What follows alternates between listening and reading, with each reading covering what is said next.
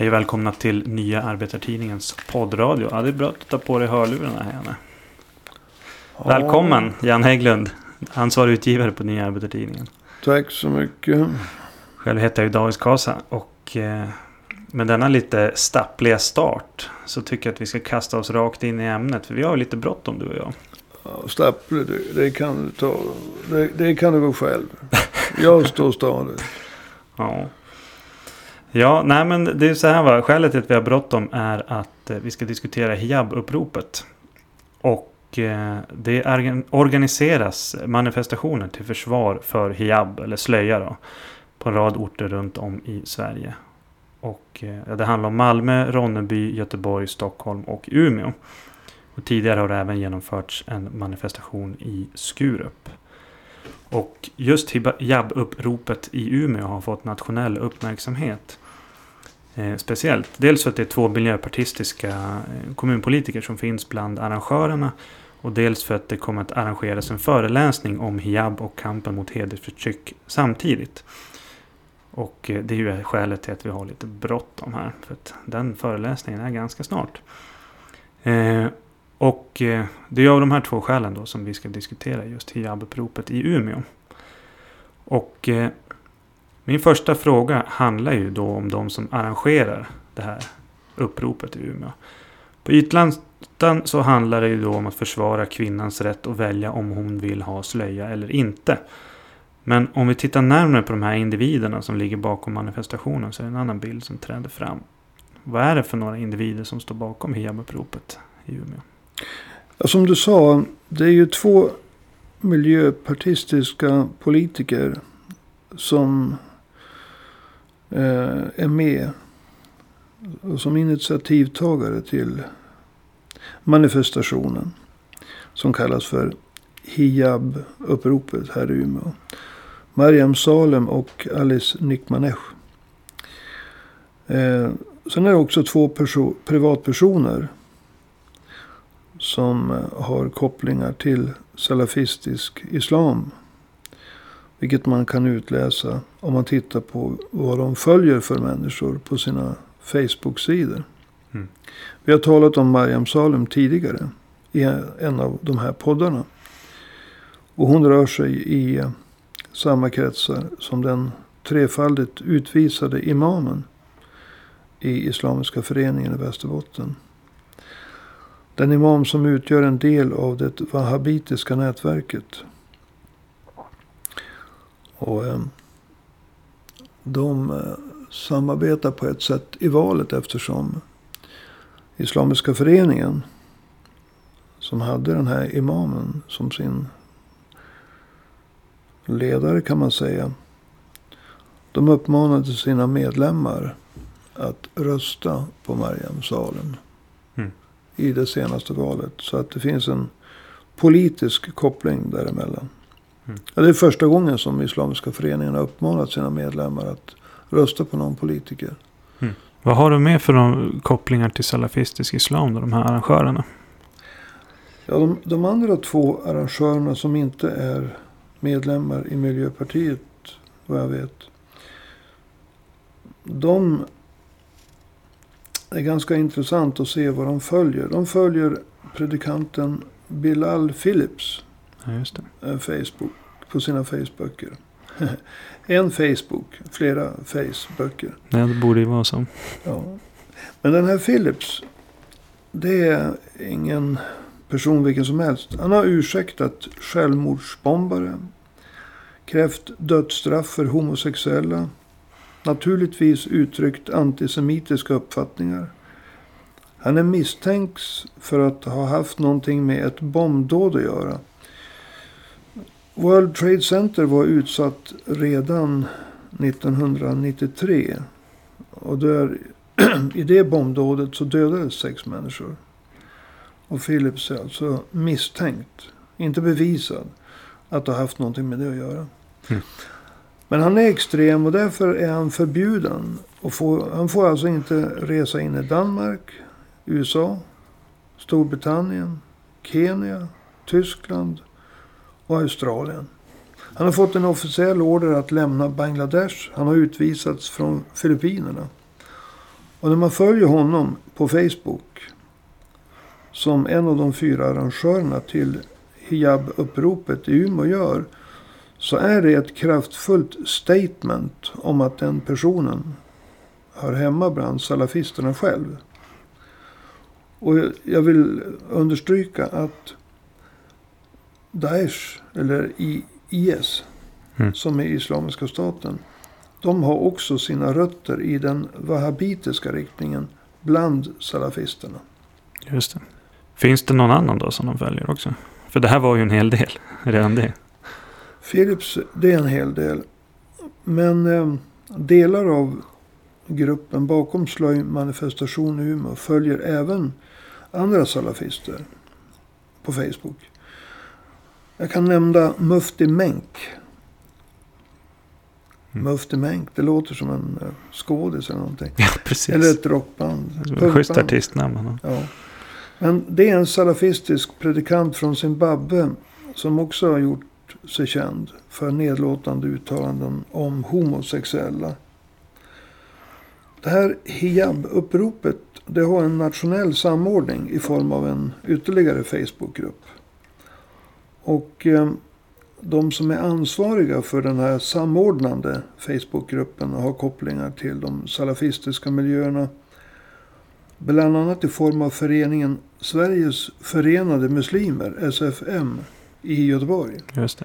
Och det är en av de mest salafistiska salafistiska festerna i Sverige. Och till Sveriges Förenade Muslimer kopplas bland annat AB Muad. Som Mhm. har besökt Umeå. Just det. Han, han är känd för att ha för, förhärligat martyrdöden. I Syrien. Under den tid då många reste från Sverige för att ansluta sig till främst Daesh, IS. Men man anslöt sig ju även till andra jihadistorganisationer. Så att följa Mufti Menk och Bilal Philips. Det säger en hel del om ens åsikter. Mm. Men eh, man kan ju vara lite djävulens advokat här. Det gillar jag ju att vara. Alltså man kan ju följa lite vem som helst på Facebook. Det kan man göra. Men det är bara personer som stöder salafister som Bilal Philips och Mufti Menk. Som dessutom gillar dem på Facebook. Det är bara rasister som gillar personer som David Duke. Som är ledare för Ku Klux Klan i USA. På Facebook. När man trycker in gilla. Då gillar man. Just det. Så att eh, rasister de stödjer David Duke. Salafister de har sina husgudar eller vad man ska säga. Ja, jag vet ju inte roligt. vilken anslutningsgrad de har. Om de betalar en medlemsavgift och får ett medlemskort. Men eh, salafisterna de har väl en mer teologisk, ideologisk anslutning. Mm. Men gillar man så gillar man. Trycker man på knappen så trycker man på knappen.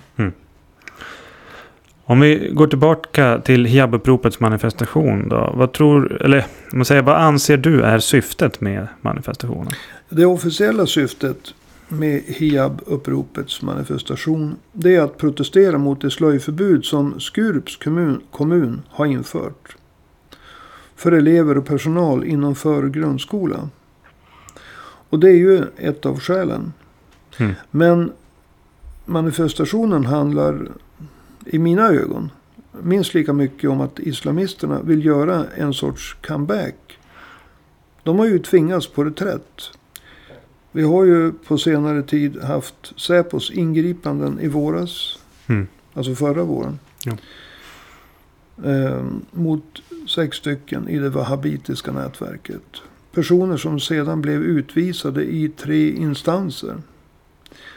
Vi hade Mehmet Kaplans avgång från regeringen på grund av hans knytningar till eh, bland annat Muslimska brödraskapet i Turkiet. Mm. Och de grå vargarna som är en fascistisk organisation i Turkiet. Vi, vi hade Yasri Khan som inte tar kvinnor i hand för de är smutsiga. Som var på väg in i partistyrelsen i Miljöpartiet. Det är många sådana här saker som har drabbat islamister. Oavsett om de är salafistiskt rik- inriktade eller om, de, om det handlar om Muslimska brödraskapet. Mm. Så de behöver göra comeback. Och det gäller inte minst i Umeå. Därför att här har vi sedan 2016 tillsammans med en del andra skrivit interpellationer. Vi har gjort bloggar. Vi har arrangerat föreläsningar. Vi har delat ut vårt Umeåblad. Eh, en minitidning om Umeås politik och händelser i Umeå. Vi har vår tidning Nya Arbetartidningen. Och där har vi kritiserat att Miljöpartiet, Vänsterpartiet och Socialdemokraterna låter de här personerna som antingen är islamister eller medlöpare till islamisterna få så stort utrymme och sätta sin prägel på Umeås olika aktiviteter som de Mm. får. Ja. Så de behöver göra comeback också. Förutom Skurup. Just det. Eh, om vi tittar då på den här föreläsningen. Där du är en av arrangörerna. Och som hålls då samtidigt som Hijabuppropets manifestation. Då. Vilka är det som står bakom den? Ja, det är ju tre personer som är politiskt aktiva. Alltså det är Anders Ågren, moderat. Han är gruppledare för dem i Umeå kommunfullmäktige. Mm. Veronica Kerr, kristdemokrat. Hon är gruppledare för dem i Umeå kommunfullmäktige. Och så jag själv. Som är gruppledare för Arbetarpartiet i Umeå kommunfullmäktige. Just det. Ja, vissa skulle ju tycka att det är en lite eh, ovanlig allians det här. Om man ska säga. Ja, det är ju inte alla gånger som eh, budgeten för oss och budgeten för partierna i den tidigare alliansen eh, är likadan. Men jag tror att alla uppfattar det som väldigt väsentligt att sprida kunskapen om vad slöjan är för att det är en religiös symbol. Och vad den här symbolen gör med de som bär den. Alltså hur reagerar små flickor som tvingas bära den? Hur, hur ser de på sig själva? Hur ser de på sin kropp? Hur uppfattar de att andra tittar på dem? Och också så förekommer det att pojkar får i uppdrag att bevaka sina systrar eller kvinnliga kusiner. Vad gör det med de pojkarna? Alltså det finns en, ett stort behov av att diskutera slöjan. Vad, vad det är och vad det betyder. Mm. Och jag tror att vi, vi alla vill öka kunskapen. Det här är en föreläsning för kunskap. Det står Mm. på affischen. Jo, precis. Och det är vi alla överens om. Vi, vi kan inte undvika den här typen av kontroversiella frågor. Jo, han var ju intervjuad i Västerbottens-Kuriren, Anders Ågren. Och han sa att det här är inte en, en eh, motdemonstration. Utan han ser det som att den, det är en balansering. Varför anser du då, eh, som en av arrangörerna då, att, att det behövs en balansering av hijabuppropet? Ja, alltså hijab-uppropet försöker göra det här till en feministisk symbol. Mm. Och om jag nu talar för mig själv så anser jag att eh, små flickor som kanske får sin första mens när de är tio år. De väljer inte själv. Mm. Och att påstå att eh, någon som på olika sätt påverkas att bära en sån påtaglig religiös symbol. Att det skulle ha någonting med feminism att göra, kvinnans frigörelse att göra. Det tycker jag är ett dåligt skämt. Mm. Utan man är inte, det är ingen feministisk symbol om man tvingas. Det spelar ingen roll om det är med hot eller genom propaganda i hemmet. Det är ingen feministisk symbol. Däremot så Mm. kan, finns det många som anser att det påverkar just hur man ser på sig själv, sin omgivning. Och de små pojkar som får i uppgift att vara slöjvakter, om man så säger. Det påverkar dem också. Mm. Och ja, jag uppfattar det som en negativ påverkan. Men alla har olika åsikter. Och vi har en föreläsning. Och sen kommer folk ska kunna ställa frågor. Mm. Så olika uppfattningar kommer säkert fram. Absolut. Hur hur kommer det sig att det är just kring hijaben, eller slöjan då, som striden står? Ofta. För det här är ju inte... Det är ju inte enda gången som, som hijaben står i centrum. Alltså det har ju alltid varit en mätare på det sekulära motståndets styrka mot islamister och fundamentalister och deras förtryck. Mm. Eh, alltså vi ser ju massprotesterna i Iran före jul. De var ju väldigt stora och starka. Och kvinnor som deltog i dem. Så I protesterna mot den religiösa diktaturen i Iran. En av de sakerna som de markerade. Det var ju att öppet ta av sig slöjan. Som en, ett sätt att visa att vi frigör oss Mm. från den religiösa diktaturen. Och då använder man slöjan som en symbolisk gest för att visa vi, vi tar inte det här mer. Vi frigör oss. Mm. Vi är fria kvinnor. Vi är stolta kvinnor. Vi är starka kvinnor. Vi tar av oss slöjan. Mm.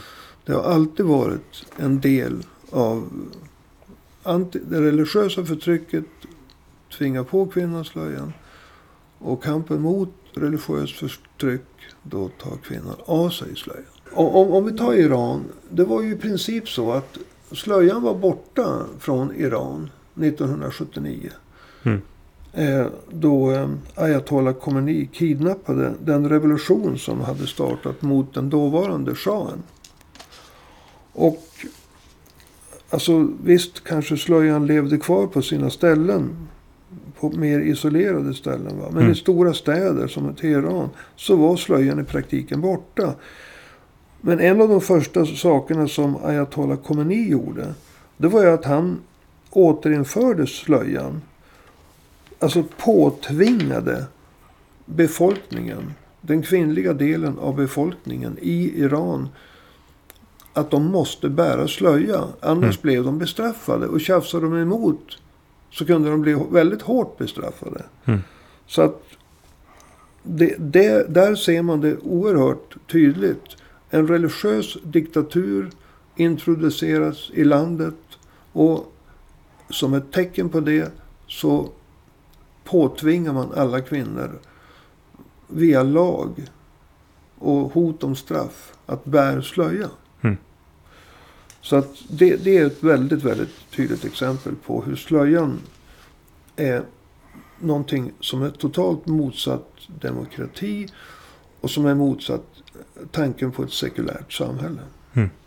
Men det finns väl andra exempel också, alltså på motsatsen då. Inte att man har återinfört slöja och tvingat på folk slöja, utan just, just i de muslimska lä- länderna så finns det exempel på hur man har som, tagit bort slöjan inom Ja citationstecken. visst, eller? alltså i eh, Turkiet, det moderna Turkiets fader Mustafa Kemal Atatürk. Han strävade ju efter att omvandla det gamla Osmanska rikets rester. Europas sjuke man sa man på den tiden. Därför att samhället hade gått i baklås. Mm. Atatürk ville göra om resten av det Osmanska riket till ett modernt sekulärt samhälle. Och eh, med en modernare konstitution i ryggen så genomförde Atatürk en rad reformer. Och han gick väldigt hårt åt de manliga religiösa huvudbonaderna som turban och fes. Mm. De förbjöds. Istället införde han en lag om att alla män måste bära hatt. Och sen byttes gradvis alla bilder i böcker ut. Så att män med turban och fes eh, ersattes av män med hatt. Mm. Och det var ju för att skapa sekulära förebilder. Atatürk han eh, riktade de hårdaste slagen mot det hårdaste motståndet. Mot moderniseringen. Och de som har den religiösa makten. Det är ju män. Mm. När det gäller slöjan så ville Atatürk också pressa tillbaka användningen av slöjan. Men inte genom ett allmänt förbud. Mm. Så att ingen kvinna i vuxen ålder fick bära slöja. Utan istället för ett allmänt förbud så markerade Atatürk genom att förbjuda kvinnor som arbetade i offentliga sektorn kan man säga. Alltså kvinnliga lärare, advokater, kvinnligt politiskt förtroendevalda. Alltså de som jobbade i offentliga sektorn skulle man kunna säga. Mm. De fick inte bära slöja. Och det här var ju kvinnor som var förebilder för hela samhället. Både kvinnor och män. Och på så sätt så fungerade ju de här kvinnorna på samma sätt som foterna på män i hatt. Som gradvis infördes i läroböckerna. Alltså de blev exempel på som stimulerade andra till en sekulär klädsel. Alltså framstående utbildade kvinnor som hade liksom poster som skapade förtroende. De Mm. hade inte slöja. Mm. Och det påverkade ju andra kvinnor Ja, att precis. inte bära slöja. Men det var ju en så att säga, långsiktig och frivillig process på det stora hela taget. Frivillig rent allmänt. Men inte frivillig för de som hade de här offentliga sektorn positionerna. Ja, just det. Men om vi går tillbaka till hijabuppropet av idag då. Varför är det viktigt att se det som ja, men till synes är fyra, fem demonstrationer i Sverige idag? Varför ska man se det mot bakgrund av de här historiska händelserna? Alltså det är ju tanken bakom. Det är ju rörelsen. Det är ju viljeinriktningen. Alltså vi har, det diskuteras väldigt mycket om separata badtider för män och kvinnor och att det är negativt. Och det är det ju. Men om en person, en man som har varit en, låt oss säga, salafist i 40 år. Eller Mm. kvinnor som har varit salafister i 40 år. Om de badar på olika tider. Så, eller om de inte badar på olika tider. Det kommer knappast att påverka deras religiösa, ideologiska övertygelse. Nej. Därför att de är liksom stöpta redan. Men slöjan, den handlar ju om alltså barnens rättigheter. Ska barn ha rättigheter att själv kunna avgöra om de ska bära denna religiösa symbol eller inte? Ska barn ha rättigheter att välja fritt? Det kommer att påverka resten av deras liv. Mm. Och barnen kommer att växa upp och bli samhällets ryggrad. Så att det är en oerhört viktig fråga för hur många, många kvinnor, men även de män som idag är småpojkar, som kanske blir slöjvakter, om jag får uttrycka mig så. De Mm. kommer också att påverkas av det här. Så debatten om slöjan handlar om barns rätt. Mm. Och barn har rätt. Föräldrars rätt finns och barns rätt finns. Och föräldrar har ett övertag. Och det är därför som slöjan måste diskuteras. Hur Mm. skyddar vi barnens rättigheter? Mm. Föräldrarna har ju naturligtvis ett väldigt övertag i förhållande till barnen. Så vi diskuterar slöjan för att barn verkligen ska få rätten att välja frivilligt. Och inte påtvingas den på det ena eller andra sättet. Det som har varit mycket av debatten i Sverige har ju handlat egentligen inte så mycket om slöjan utan det har ju varit om eh, förbud. Och även det här med Skurup har ju handlat om, om det man gjorde där var ju att man, man förbjöd ju slöjan i före grundskola. Ja. Vad tycker du om det? Ja, alltså, jag tycker att man gör fel i kommuner som Skurup. Där man bara ovanifrån och utan någon diskussion kring slöjan och vad olika människor, olika riktningar, hu- hur man ser på slöjan och vad den spelar för roll. Mm. Bara förbjuder den rakt av. Eh, Det spelar islamisterna och deras medlöpare rakt i händerna. Om man ska pressa tillbaka bärandet av slöjan så måste man diskutera slöjan. Och jag tror att det allra sämsta det är en diskussion för eller emot ett förbud. Mm. utan att man har diskuterat varför vill man förbjuda. Eller om man inte vill förbjuda, men om man vill pressa tillbaka bärandet av slöjan. Om man liksom har kvinnorna i Iran som förebild. Mm. Varför? Men om man bara förbjuder det hela ovanifrån utan någon diskussion. Då eh, spelar man personer som till exempel Mariam Salem, Alice Nikhmaneh. Med kopplingar till salafistiska och till och med wahhabitiska imamer. En möjlighet att mobilisera även demokratiskt sinnade muslimer under sina islamistiska eller medlöpar islamistiska baner. Mm. Alltså islamisterna älskar att göra sig till talespersoner för alla muslimer. Men de är inte det. Mm. Men om man agerar klumpigt, då ger man islamister, och nu tänker jag inte på något speciellt namn, men eh, det finns två riktningar. Muslimska brödraskapet och salafisterna. Och båda försöker ständigt påstå och framställa sig som talesriktningar för alla muslimer. Det är de inte. Men ett slöjförbud uppifrån utan diskussion. Det gör, ger dem möjligheten att framträda som talespersoner för alla muslimer. Och det är mycket, mycket olyckligt. Mm. Och jag ser ett väldigt värde i att vi har en föreläsare som heter Devin Rexvid. En känd, en duktig föreläsare. Som har varit runt i många kommuner. Som kan prata om slöjan. Mm. Och att vi kan erbjuda det.